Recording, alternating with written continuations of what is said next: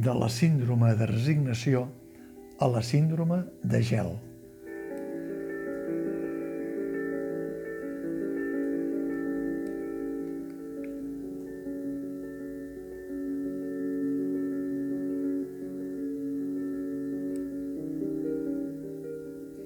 Quan l'actor i director Chico Masó es va proposar portar al teatre la patologia psicològica batejada ja a la dècada dels anys 90 del segle passat a Suècia com a síndrome de la resignació, que el fenomen actual dels refugiats ha fet global, segurament que no podia imaginar que el dia de l'estrena de l'obra Síndrome de gel, al Teatre Lliure de Gràcia, faria ja un mes que l'Europa del benestar vivia en estat letàrgic de guerra i aguantant la respiració a causa de la invasió genocida de Vladimir Putin a Ucraïna, que ha comportat que milions de ciutadans, sobretot mares i més mares i infants ucraïnesos, hagin traspassat la frontera cap a indrets presumptament més segurs, fugint dels bombardejos russos i deixant enrere un mar de devastació i d'incertesa. Per això, síndrome de gel,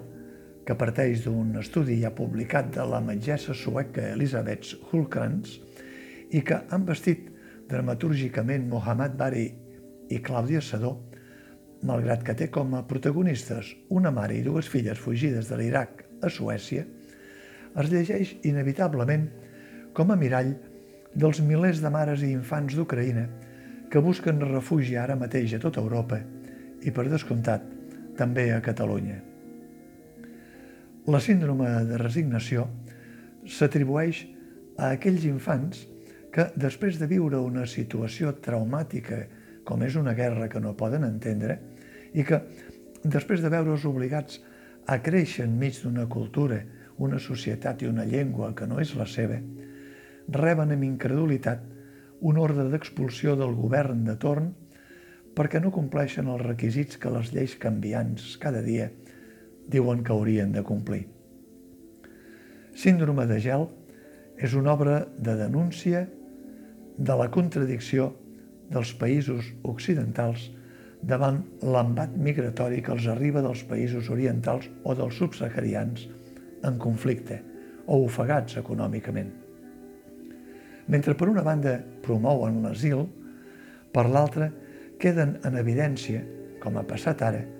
davant les restriccions aplicades als immigrants dels últims anys i l'obertura sense condicions dels actuals refugiats ucraïnesos. Xico Masó, que amb l'obra El metge de Lampedusa ja es va endinsar en la crisi migratòria arran dels camps de refugiats de Grècia, es pregunta en la presentació actual – els d'Ucraïna sí, i està molt bé. Però i els altres? Com n'hem de dir d'això? A síndrome de gel, els espectadors trobaran una part de la resposta. L'obra té dos plans de visió. El de l'Hospital Suec de Malmo, construït als anys 70, amb els metges, un metge director i una metgessa africana, els serveis socials, una assistent desesperada pel col·lapse i una noia filla de pare sirià, però crescuda i educada a Suècia, que és intervinguda per un apendicitis, que acabarà fent d'intèrpret de l'àrab, i el d'una mare i dues filles adolescents, refugiades iraquianes a Suècia, amb una de les filles que, en saber que corrien el perill de tornar a l'Iraq expulsades, cau en el mutisme i la falta de reacció a qualsevol estímul i en un estat d'inconsciència gairebé vegetatiu a causa de l'anomenada síndrome de resignació. Però l'obra no es limita a descriure aquest retrat psicològic, sinó que conté tots els ingredients de les contradiccions de la societat occidental d'aquest moment. Els pacients que demanen que els atengui un metge blanc i no una negra, racisme de protocol, el director de l'hospital, que no fa res per canviar segons quines contradiccions de funcionament, conformisme i submissió al poder, la metgessa jubilada que vol continuar exercint una manera d'oblidar l'experiència, la saturació dels serveis socials imprevisió i migradesa de recursos, l'intent frustrat d'acollir il·legalment la mare i les dues filles iraquianes al marge del protocol, solidaritat versus realitat, la reconciliació de la noia sueca de pare sirià amb el seu origen gràcies a un extens bloc de notes heretat del pare mort, reconeixement del jo,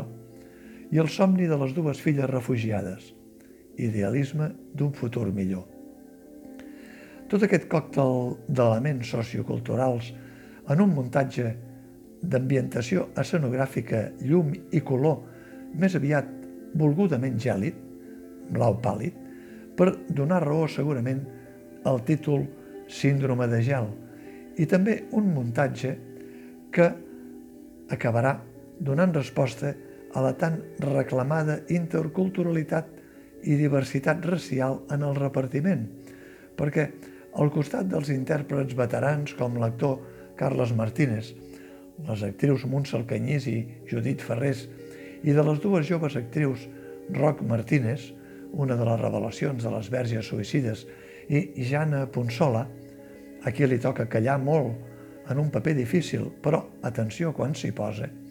que fan els papers de les dues adolescents iraquianes refugiades. I trobem també la presència de Sílvia Albert, actriu i creadora de No és país para negres, una de les metgesses reivindicatives que acaba substituint el vell director i, a més, el debut d'Asma Ismail, una palestina refugiada a Catalunya des del 2010, que no s'ha dedicat mai a la interpretació teatral i que aquí intervé sempre en llengua àrab en el paper de la mare iraquiana refugiada a Suècia. Per reblar el clau multicultural hi ha l'actriu Manar Taljo, recordem el Hayat o la suma dels dies, de la companyia La Viciosa, i La setena porta, dels Pirates, a més del seu projecte d'arts escèniques centrat en els camps de refugiats grecs. Nascuda a Barcelona el 1987, Manar Taljo és filla de pare sirià i mare catalana, i aquí es posa en la pell del personatge de la noia sueca, que finalment farà d'intèrpret d'àrab perquè el seu pare de ficció era també sirià. El director Xico Masó ha fet que tots els intèrprets es moguin gairebé de puntetes i sense fer gaire soroll, com si no volgués destorbar més del compte el rerefons dramàtic de l'obra que han elaborat dramatúrgicament a quatre mans Clàudia Sadó i Mohammad Vitari. En algun moment, fins i tot, massa de puntetes. Seria bo que en alguna escena s'apugés el to de volum i de dicció. La sala de gràcia és mitjana, sí, però no tant com per pensar que el discurs es pot deixar lliscant sense alçar prou la veu i només a peu d'escenari. Els espectadors, al costat del valor suggerent, el valor inèdit i el valor de denúncia que té el fons de síndrome de gel, en traurien encara més profit si el discurs complet de l'obra, català i àrab, els arribés plenament entenedor.